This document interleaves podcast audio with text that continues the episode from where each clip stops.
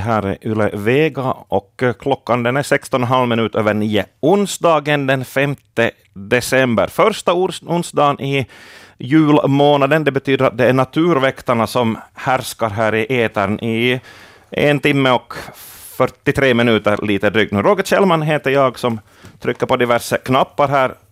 Jag kommer inte att besvara frågor om djur och natur, det är jag ingen expert på. Tack och lov har vi med oss Hans Hästbacka och Anders Albrecht. God förmiddag till er, mina herrar. Morgon, morgon. Morgon, morgon. Och Annika Ljungberg har stenkoll på vår e-post och vår bildblogg. God förmiddag till dig också, Annika. Hej, hej. Nåja, vi är redo att köra igång. Julmånad sa jag, vintermånad skulle man kanske hoppas, men i alla fall här i Österbotten har vi inte riktigt fått någon vinter ännu. Det kom lite snö här i morse, men det är plusgrader, så det smalt samma väg. Ja, det är slaskigt, slaskigt väder och, och, och eh, noll före kan man säga. Sen när det fryser på i natt så blir det halka. Mm. Ja, här har det regnat hela natten. Vi har en plus fyra grader ungefär. Ja. Det är riktigt julväder. Mm. det blir svart lucia vad det, om det här håller i sig. Vi pratade redan i, i förra månadens Naturväktarna om att det här är ju inte roligt för någon, allra minst för naturen som väl borde liksom få bädda ner sig i ett snötäcke, en massa djur ska gå i det, men de är kanske förvirrade ännu. Ja, då, de är vana, inte det är ju här något oerhört, så det, de får nog lov att klara sig. Och de är ju, de är ju anpassade för, för det här.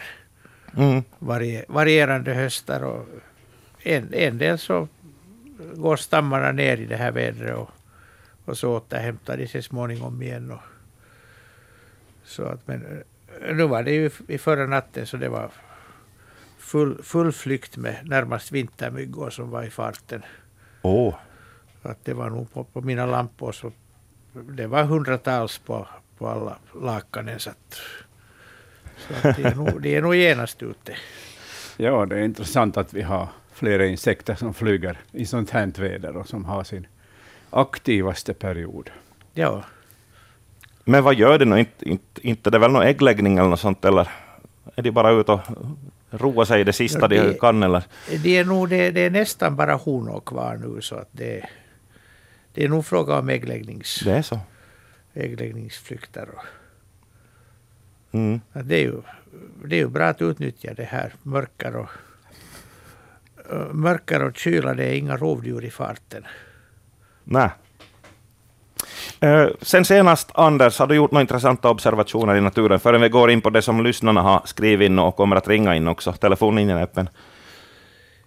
Inte har jag något exceptionellt. Att det, det höll ju igång det som jag talade förra gången om de här fjärilarna som, som gjorde en andra generation och det fortsatte. Det är massa, massa arter som har trott att det blev sommar på nytt. Och, och så där, men inte, inte något desto märkligare. Och fågelmatningen har ju satt igång och det är ju full fart där.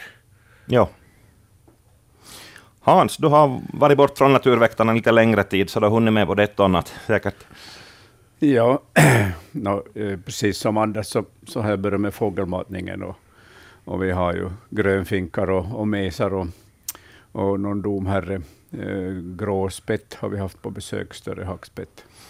Eh, sen här ute i kusten så har vi fått en del eh, ugglor. Jag har sett både lappuggla och, och hökuggla eh, och varfågel. Vi har ju ganska gott om smågnagare här ute vid kusten, så att de har hittat eh, jaktmarker, goda jaktmarker. Mm. De stannar kanske över vintern. Det är, det är ju roligt. Ja. Jag har inte varken sett eller hört några ugglor alls på, Ja. på den här hösten. Men kanske de kommer till oss. Så. Jag tror vi har lite dåligt med gnagare just nu. Ja. Ja, sån där. Sen där var det lite att titta på skogsrenar under hösten och det är ju alltid intressant med, med skogsrenen. Det är en oerhört vackert djur, högbent, en högbent ren eh, som eh, ju har funnits i, i Finland i, överallt i äldre tider och sen blev utrotad genom jakt och har nu återkommit dels genom invandring från Ryssland och dels genom utplantering. Bland annat i Salamajärvi nationalpark. Och de är nog otroligt fina under hösten när de har sin brunsttid och, och, och samlas i mindre grupper. De finns väl ganska långt söderut också. Man tänker sådär ren, renar ner hit mot Österbotten rent av. Ja, ja, ja, sen ska man ju införa dem nu i, i Lauhavori, på Lauhavori, i Lauhavori nationalpark i, i Storå, strax, strax söder om och sydöst om, om Lappfjärd. Och, och de ska ju ha sån här, fram, framförallt vintertid, lavrika Mm. momarker där de har sitt vinterbete. Ni har, har de lava där ännu? Ja, mm. Det, det börjar vara dåligt med, med renlav här i våra trakter. ja. Mm. Nu, mina kunskap, skolkunskaper i biologi har börjat falna lite. Skillnaden mellan skogsrenen och fjällrenen i storlek och sådär. ja, den är betydligt högre. Mm. Alltså den är högbent därför att den är ju anpassad till snöförhållanden i skog. Och sen eh, så har den eh, hornkronan eh, går ganska rakt upp, eh, medan då fjäll, fjällrenens och tamrenens horn de går ju utåt i sådana där vida bågar. Det tar inte tid mycket träd när de rör sig på Precis, ja. ja. fjällen. ja. Sen har de större, större näsborrar än, än fjällren och, och tamren. Men just den här högbentheten och, och ståtligheten, den, den skiljer, det skiljer skogsrenen från, från, vild, från äh, fjällren och tamren. Hur är det om man stöter på en skogsren eller en, en flock om de rör sig flera? Bör man vara orolig eller? Nej. Det är inte.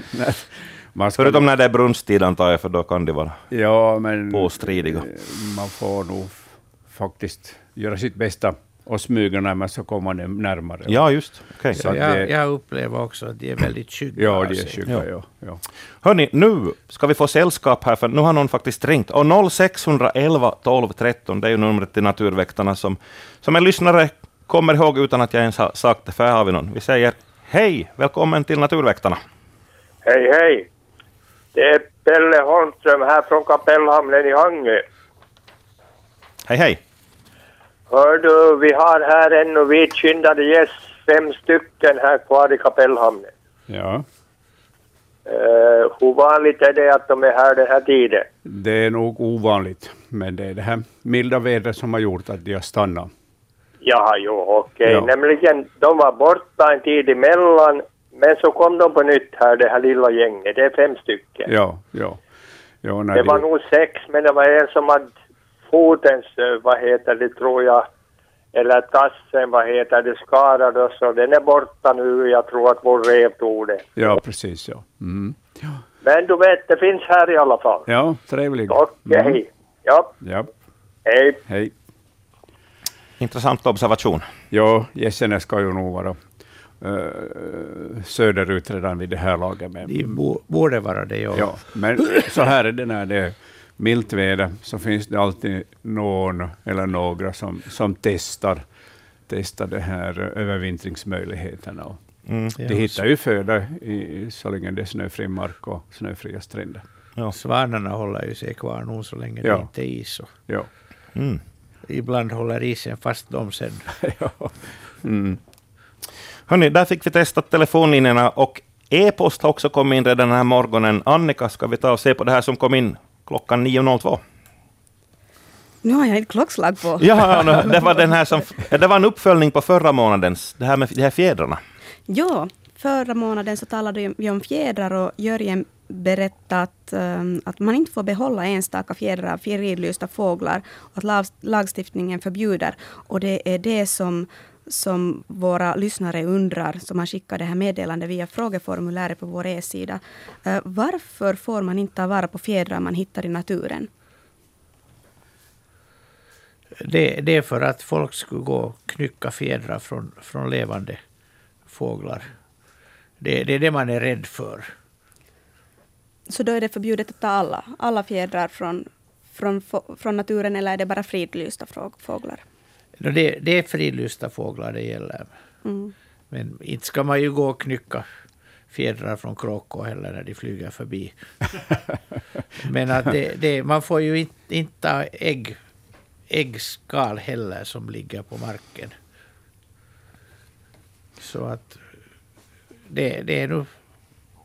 De litar inte på oss helt enkelt. Uh, hur är det då med, med, med forskare? Har de någon dispens eller tillstånd att göra det? För man måste ju dokumentera ändå naturen. Jo, man, man, man, kan, man måste anhålla skilt om, om tillstånd. Så, där lärde vi oss något nytt kanske Hans? Eller? Ja, för mig var det en nyhet, för jag har ju alltid plockat fjädrar i naturen. Upp, upp. och, och det här... Fort hem och förstör din samling. Nej, det, det, be, det behöver man inte göra. Det, det är nog ingen som... Men att den, den här lagen finns att om, om det börjar misstänkas att någon går och till exempel tar ägg från bona och så knackar man dem sönder och säger att man hittar skalet på marken. Och, Jo. så att... Men, Men just de här tappade fjädrarna, så det, det är ju som auto, automatiskt att man tittar på dem och ibland tar man tillvara dem. Och, och tydligen så, så hör jag till de här lagbrytarna då som... nå, vi hör nog båda dit. ja. Hur är det med andra delar av, av fridlysta djur? Om man hittar ett djurkadaver, man får inte ta det liksom och föra till någon som stoppar upp det och sådär. Nej, nej, det får Nej, man. Det det måste får- anmälas visst? Man, man, man, man kan föra det till, till något museum eller polisen eller motsvarande myndighet. Och då kan man eventuellt få lov att, att stoppa upp det åt sig. Men att det måste anhållas skilt. Och det kan vara en lång process så det hinner ruttna bort förrän man Ja.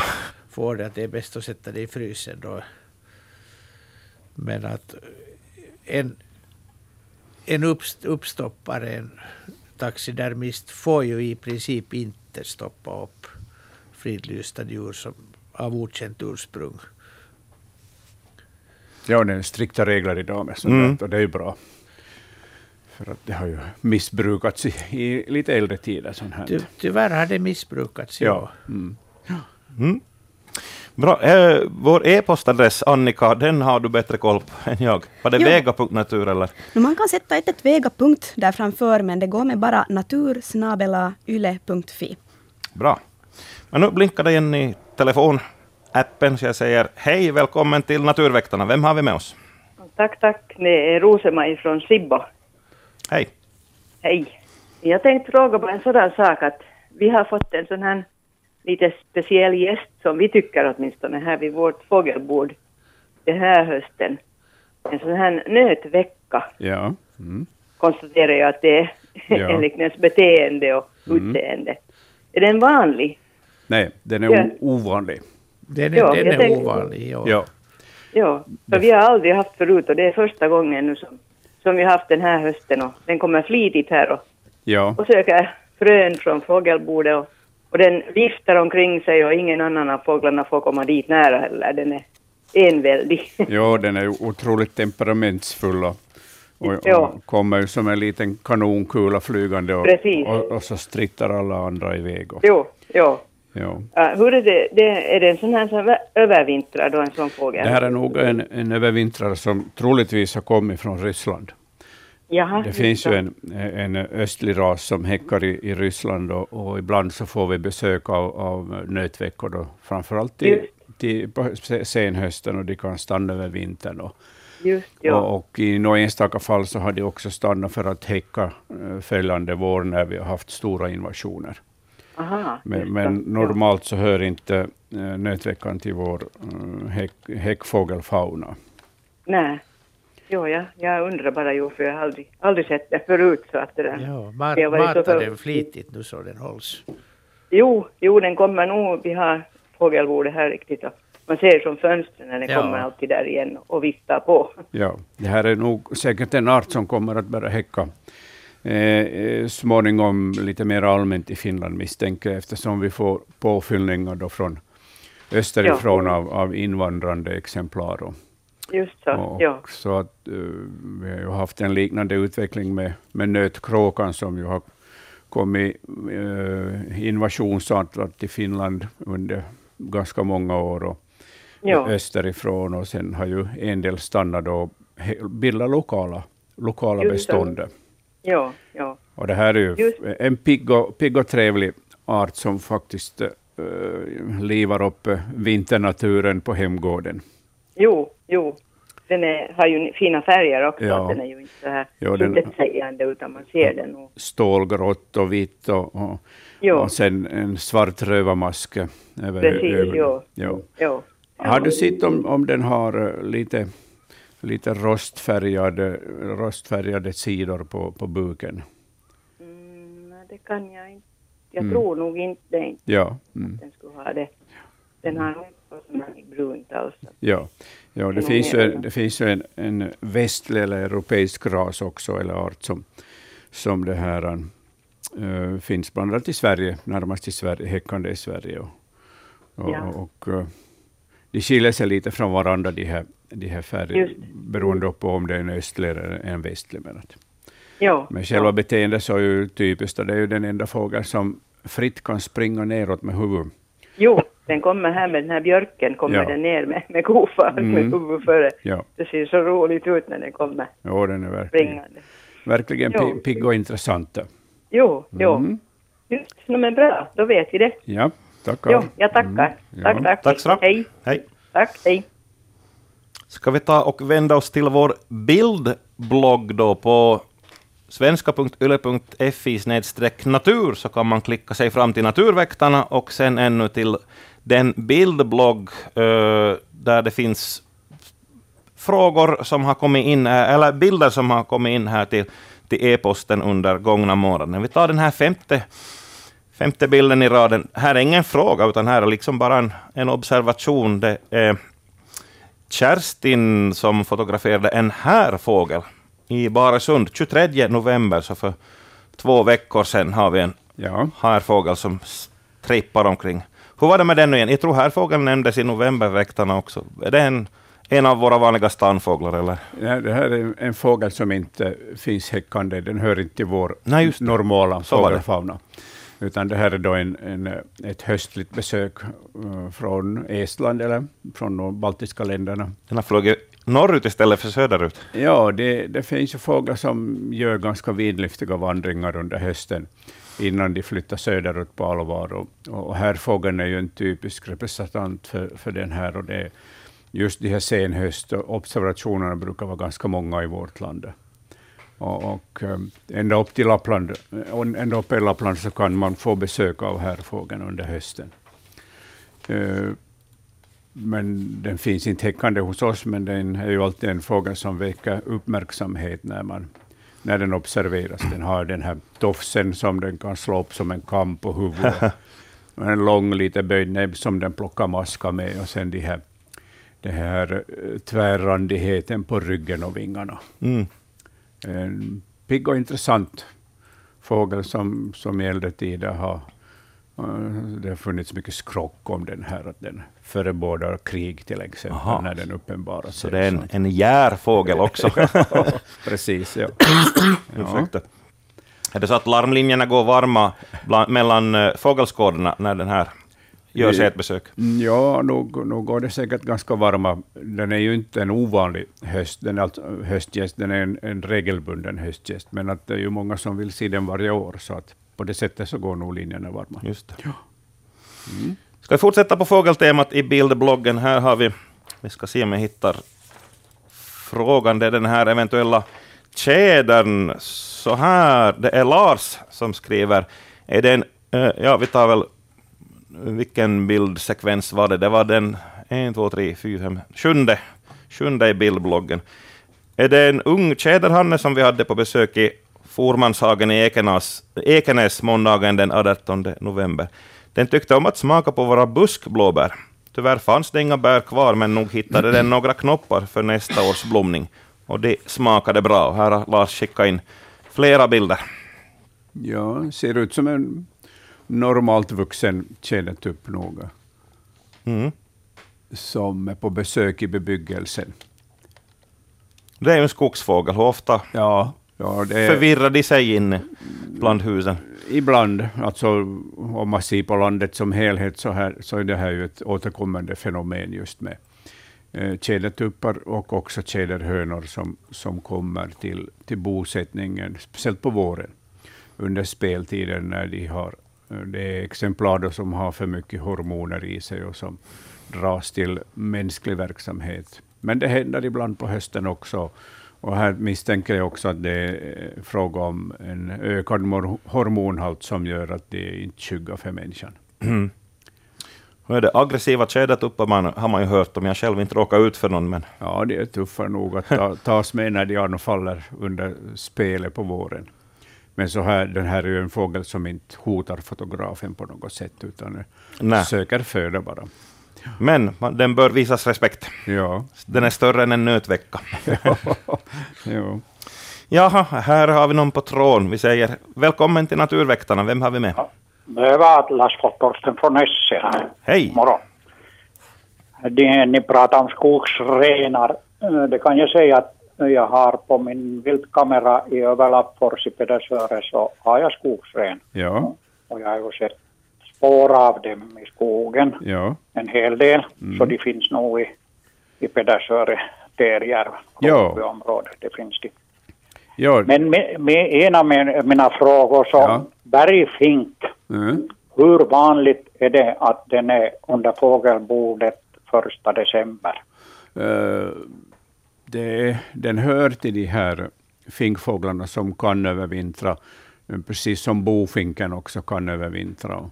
Och eh, det är nog den här milda, milda hösten som har gjort att den har stannat kvar, för normalt flyger de ju nog ner till södra Sverige och Danmark och Mellaneuropa för övervintringen. Det var, vi har, det var två hannar och en, en hona i, ja. i det här förra veckan. Ja. Vi har nog ganska ofta, så, ja. vi har ganska ofta bergfinkar nog ännu i december. Ja. Mm. Både berg och bofinkor. Ja. Och det är nog i allmänhet bofinkarna som stannar, att bergfinkarna brukar fara vidare. Ja, fast bergfinken är anpassad till mer nordliga förhållanden, ja. så sticker den i alla fall iväg. Ja, men det är ja. intressant med observationer. Ja. No, ju, hur, hur var det med blåmesen i somras? Hade det en bra häckningsår? Det, det är ovanligt, tycker jag, många vid fågelbordet. Ja, de, alltså de, de som häckar så lyckades bra med sin häckning, så de har nog en, det finns en hel del blåmesar i markerna. Och vi hade, hade väl besök av ett tiotal häromdagen. Ja, ja det är ju åtminstone 10-15 stycken ja, ja. Är, de, är de på olika ställen vid matbordet. Ja. Tallmesarna är däremot, tycker jag, mindre än, i, än tidigare. Ja. Mm. Men blå, uh, blåmesen, eh, om jag minns rätt, så hade en bättre häckning och, och, och, och klarade, sig, klarade sina ungar bra. Ja. Ja, men Ja, och sen, sen talltitan finns och, och några enstaka entitor. Ja, entitan är ju faktiskt en, en, en mesart som är på kommande västerifrån och österifrån. Den, den finns ju inte häckande normalt i, i, i Finland, men, men att observationerna har ökat under de senaste åren. Och förmodligen så kommer vi att få då ett häckande bestånd av entita i, i våra marker. Ja, nog under det här gångna år så har jag någon enstaka sett, sett vid matbordet, men, ja. men uh, nu tycker jag att de har, de har varit uh, fler i, nu, det är nog en, en fyra, fem kanske. Ja. Och uh, talltitorna, no, det är ungefär vad de har varit, det är inte kanske så mycket som de stundom har varit. Men, ja, ja. men blåmesen framförallt, det tycker jag, det, det är ju väldigt många. Ja, det är det. Ja.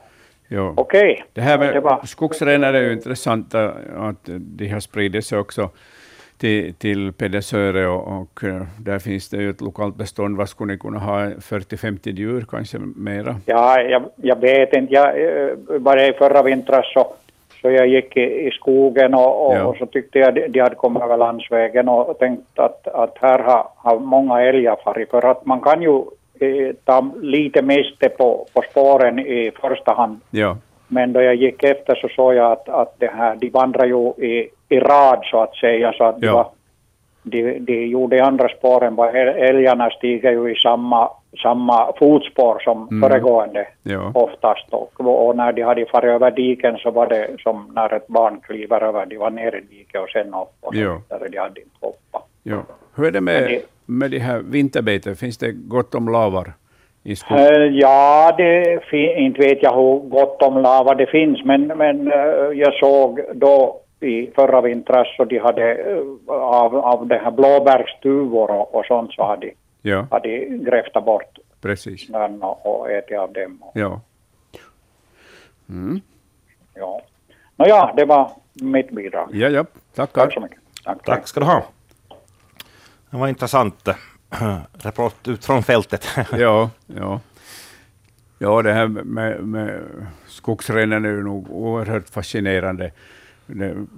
Man hämtar ju den till, till uh, Salomajärven nationalpark då, som finns på den här vattendelaren mm. i, i, bland annat Perho, Perho kommun i, i västra, västra Finland. Den hör till västra Finland, den delen. Och, och där de sista djuren blev bortskjutna uh, i västra och södra Finland. Och därifrån har den spridit sig då till Österbotten, uh, mellersta Österbotten, norra Österbotten och, och vandra sprider, sprider sig upp till Uleträsk och, och kommer snart att, uh, att möta sina artfränder då i, i det här i Kuhmois. Mm. Därifrån den hämtades.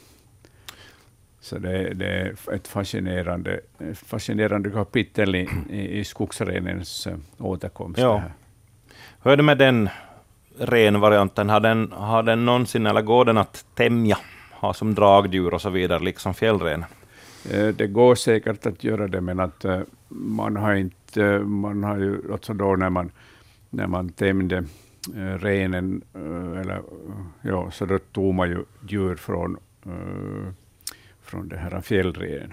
Det är fjällrenen som, som är tamrenens uh, anfader, så att säga. Ja.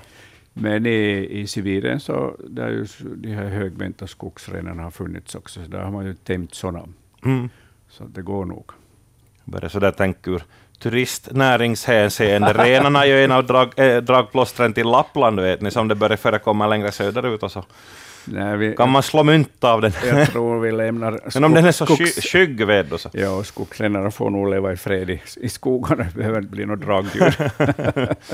Eller fotomodeller för jetturister. Mm.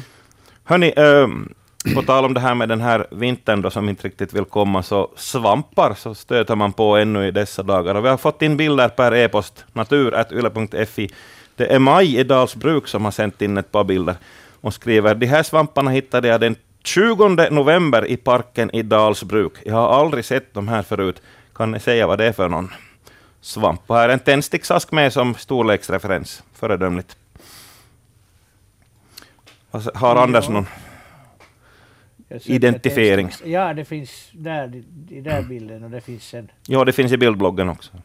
Finns en, ja, det är en, den heter fjällig toffskivling en sån här stubb, stubblevande svamp. De är ganska gamla så de är gles, glesfjälliga. De är, när de är små så, så de är väldigt, väldigt fjälliga och de här fjällen så är utspärrat utstående. Mm. Och sen när det växer till så, så blir fjällen inte flera utan de breder ut sig. Så att den, den ser kanske lite annorlunda ut än, i, än vanlig, vanligen i böckerna. Och det är nog ett sent datum för den, men att toffskivlingarna kan ju förekomma väldigt sent. Mm. De, är, de är nedbrytare av, av murket trä. Och de kan, kan förekomma på levande träd också, men vanligen är det på stubbar och rötter eller, eller döda, döda stammar som den här finns. Tyvärr är den ingen matsvamp för att det skulle finnas mycket att äta på. Ja. Mm. När nu Maj inte har sett den här förut, så är den, är den ovanlig? Den är inte ovanlig. Men att den är ofta en sån där att man, man nu lägger inte märke till den. Den är, den är på stubbar och den kanske var lite, lite upp på stammen. Att vanliga svampplockare helt enkelt bryr sig inte om den. Men ovanlig är den nog inte. Mm. Finns det någon matsvamp som ännu har kämpat på här i, i november. Nu är december eller väl nog loppet kört, men... Jo, no, vi, har, vi har ju nog plockat trattkantareller och, och det här rökslöjskivlingar ännu för fullt. Och det går nog fortfarande att göra. De tål, de tål att frysa ner och tina och, och sådär. Att man, och de är väldigt lätta att plocka när de är frusna. Så att det, det är bara att gå ut i skogen. Och nu har ni ju där i Österbotten också Adam. Jo, jo trattkantareller finns det gott om.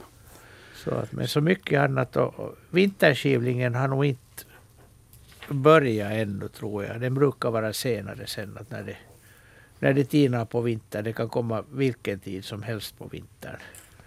På trästammar. Den hör ju till våra absolut bästa matsvampar.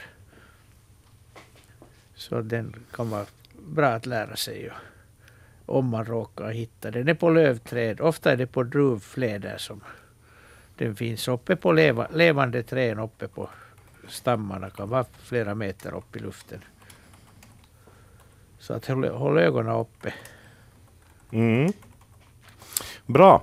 Uh, Naturväktarna programmet ännu i en timme och tolv minuter. 0611 12 13, det är numret som du gärna får ringa om du har en fråga till våra experter, som idag är Anders Albrecht och Hans Hästbacka. Och uh, natur.yle.fi, där kan du skriva in frågor och gärna sända med bilder också, rent av en videosnutt om det skulle råka sig att du har sett något spännande svåridentifierbart i naturen. Annika Ljungberg har koll på vår bildblogg också, svenska.yle.fi snedstreck natur. Ska vi gräva vidare i bildbloggen? Här är en, här är en fågel på fiskafänge eh, som eh, jag har fått in fotografier av. Vi ska se nu, var hade jag texten till den? Här, så här. Det är Lennart och Carola Bröderman som fotograferade Nej, men nu, nu får den vänta lite, för nu blinkar det faktiskt. Vi tar in ett samtal här. Hej, Naturväktarna här. No, hej, det är Karin från Jakobstad. Hej, hej. Ja, jag har undrat mycket över de där eh, flodmusslorna. I somras så fanns det förfärligt mycket i, i Larsmosjön. Och när jag gick och doppade mig och om jag gick ut från stranden så trampade jag på de där skalen och, och där när det började bli djupare så där i kanten så stod, det, så stod de i rader och, och det var fruktansvärt obekvämt att trampa på dem. Jag Ja, undrar var, varför de är så utrotningshotade. Och stranden var full, gräsmattan vid stranden var full med skal. ja det, var, det, var, det var nog inte flodpärlmussla som du hittade, utan det var det var antingen dammmusslor som vi har tre arter av eller sen, sen de här som kallas målarmusslor Jaha, som vi har tre arter. Det är två, två arter närmast som är i, i stillastående vatten. Att en, en ska vara hotad av de här också av någon anledning. Men att det är de, och de, de kan faktiskt i lämpliga sjöar så, det, så att man, man får inte foten emellan dem. Det är Nej. så tätt.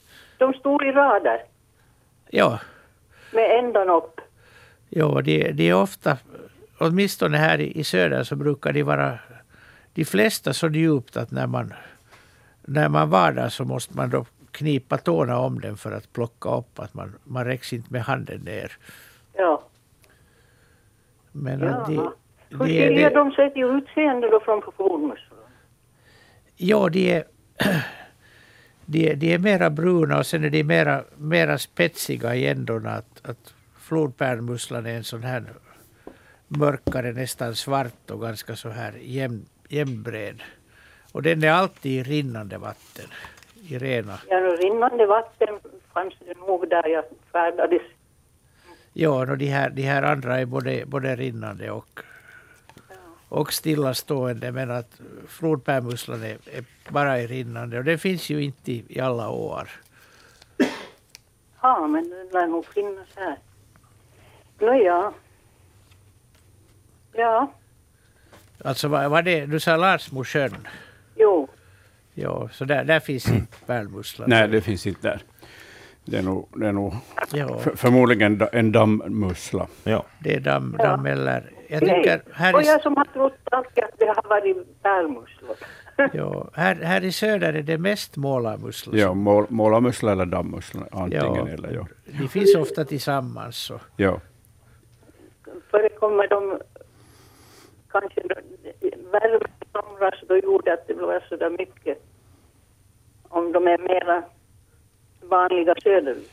Nej, nu är de, de är nog vanliga i, i norrut också. Jo, jag har sett på många ställen rik, rikliga bestånd av de här stora väldigt- musslorna. Väldigt rikliga. Ja. Och det Jo, jag har här, nog sett, äh, alltid har det funnits sådana tomma skal där i stranden men, men så här mycket har jag inte sett någonsin förr. Det var, så, Det- det var överallt. Om det, och det vi kan, som råttan under bryggan den hade festat på där. och den festar, jo. Men det kan hända, det har ju varit lägre vatten, att om du har... De har, de har varit lättare synliga i år. För Ja. att det åtminstone här så hade mång, många sjöar så haft en halv meter grundare vatten än, än normalt. Då. Nå, det var ju nog ganska Och då, då, då syns de på ett annat sätt. Jo. Okej. No, men tack. Bra att höra. mm, Hej då. Tack för samtalet. Hörni, på tal om, om ja, Larsmosjön, jag erinrar mig en artikel som, vi, som publicerades för två månader sedan och ett par dagar, som handlar om flodpärlmusslan i SCÅ, Jakobstadstrakten. Uh, där har man i flera år försökt få flodpärlmusslorna att föröka sig, och så här lyder rubriken. För första gången på mer än hundra år så har man fått flodpärlmusslor från SCÅ att föröka sig. Man har flyttat dem till uh, en forskningsstation som finns i Konnevesi.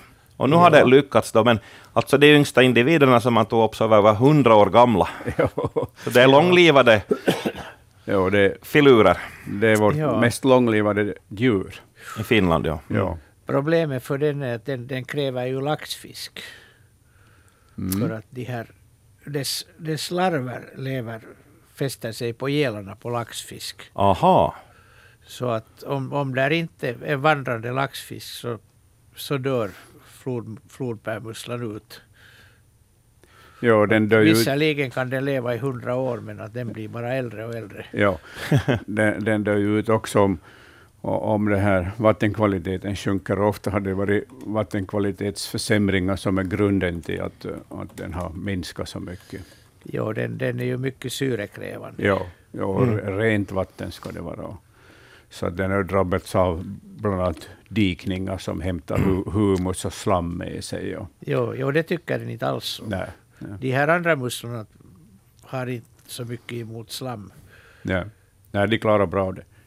Men flodpärlmussan är speciellt känslig, men, men att, tack vare att den lever så länge så har den kunnat räddats nu och den har hämtats också från Storå i, i, i Lappfjärd, eh, från Lappfjärd så i, i, i Lappfjärd och, och också de individerna har man eh, kunnat rehabilitera så mycket att de har förökat sig. Ja.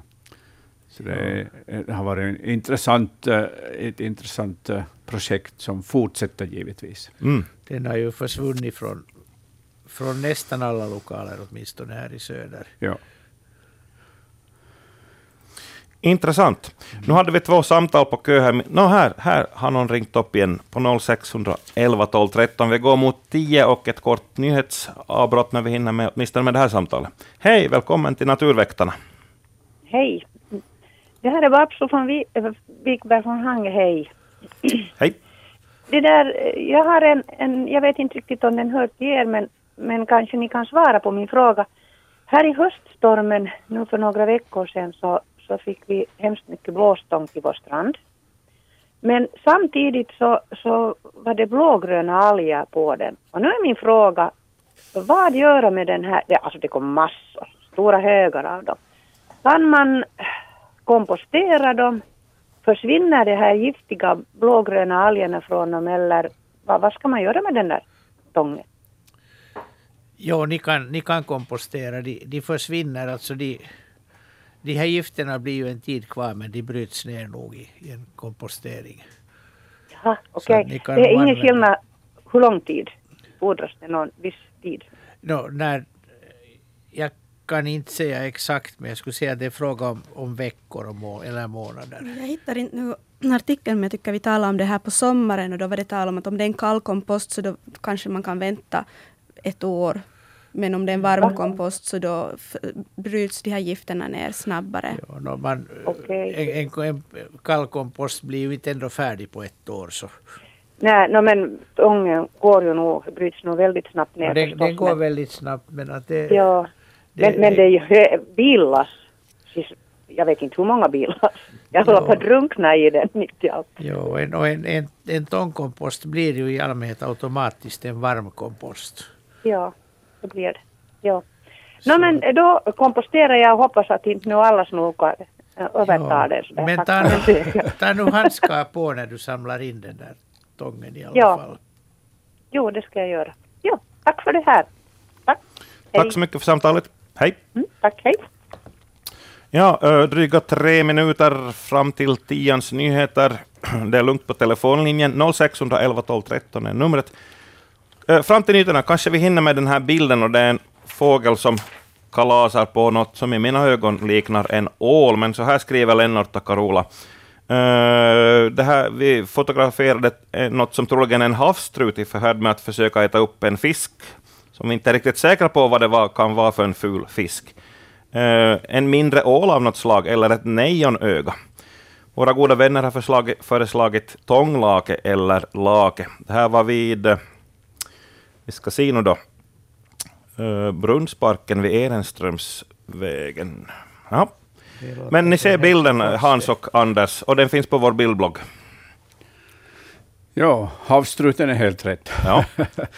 Eh, Men vilken fiskart det sen är. Och det eh, är inte tånglake och, Nej, och inte lake. nej, alltså, eh, närmast ligger det till att det är ett stort exemplar av flodnejonöga.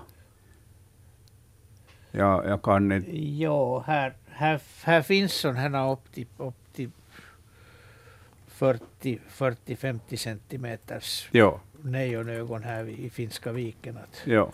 att jag, jag tycker också att den, den kanske ser, men den är nog svår den här bilden. Ja, det är knepigt att se. Färgen passar ju in på, på Och nejonöga. färgen passar och, Ja. och kroppsformen. Kroppsformen passar och så tycker jag att, att den här mm, eh, på ena bilden där truten, där det syns bara truthuvud, så där tycker jag att man ser att den här fiskens, fiskens det här huvud går neråt lite som flodnejonögon som nejonögon har. De har Ja. en sån där rund mun. Så den, den, Ja. är, den sticker inte rakt fram den där munnen, utan den är lite nedböjd. Jo. Så jag skulle säga ett stort exemplar av Ja, det... Här är den, den saken att den här, den här långa ryggfenan, den... Jag tycker den går lite för långt fram för att vara nejonöga. Jaha. Mm. Jag tycker, jag tycker de brukar börja där ungefär på mitten. På mitten av kroppen, ja. Mm. Och vara lite högre i proportion till, till Mm. kroppen. Jag ska se om jag får någon bild upp här. Det framgår ju inte här, och Lennart och Carola- skrev inte hur det här slutade, men inte har det väl någon som helst möjlighet att svälja hela den där fisken. Och ja, havstruten kan äta nästan hur mycket som Det helst. kan den nog, ja, den, Den har en mycket töjbar Ja, magsäck. Ja. Den Den blir ju är- är dubbelvikt den där fisken då i, i den är magen. ju inte styv som ett svärd. Då skulle det inte gå. Men Ja, ja. ja nej, du har nog rätt att, att eh, ryggfenan är för långt uppe på ryggen för att passa in på, på då blir det inte nejonögon. annat än ål kvar. Ja, Och då är det en liten ål, men det är ju... Det finns ju ål nu igen i Finska viken och det finns av, av alla storlekar. Så. ja. Och det är klart, eh, den här är ju förruttnad till en viss grad. Så. ja. Ja, den ser hemskt lugn och Ja, spak har ändra färg förstås när Mm. den har börjat ruttna. Då finns det bara ålen kvar. ja. Hörni, Naturväktarna eh, tar ett kort avbrott då klockan blir tio. Det är nyheter i tre minuter. Sen är vi tillbaka och besvarar frågor kring djur och natur.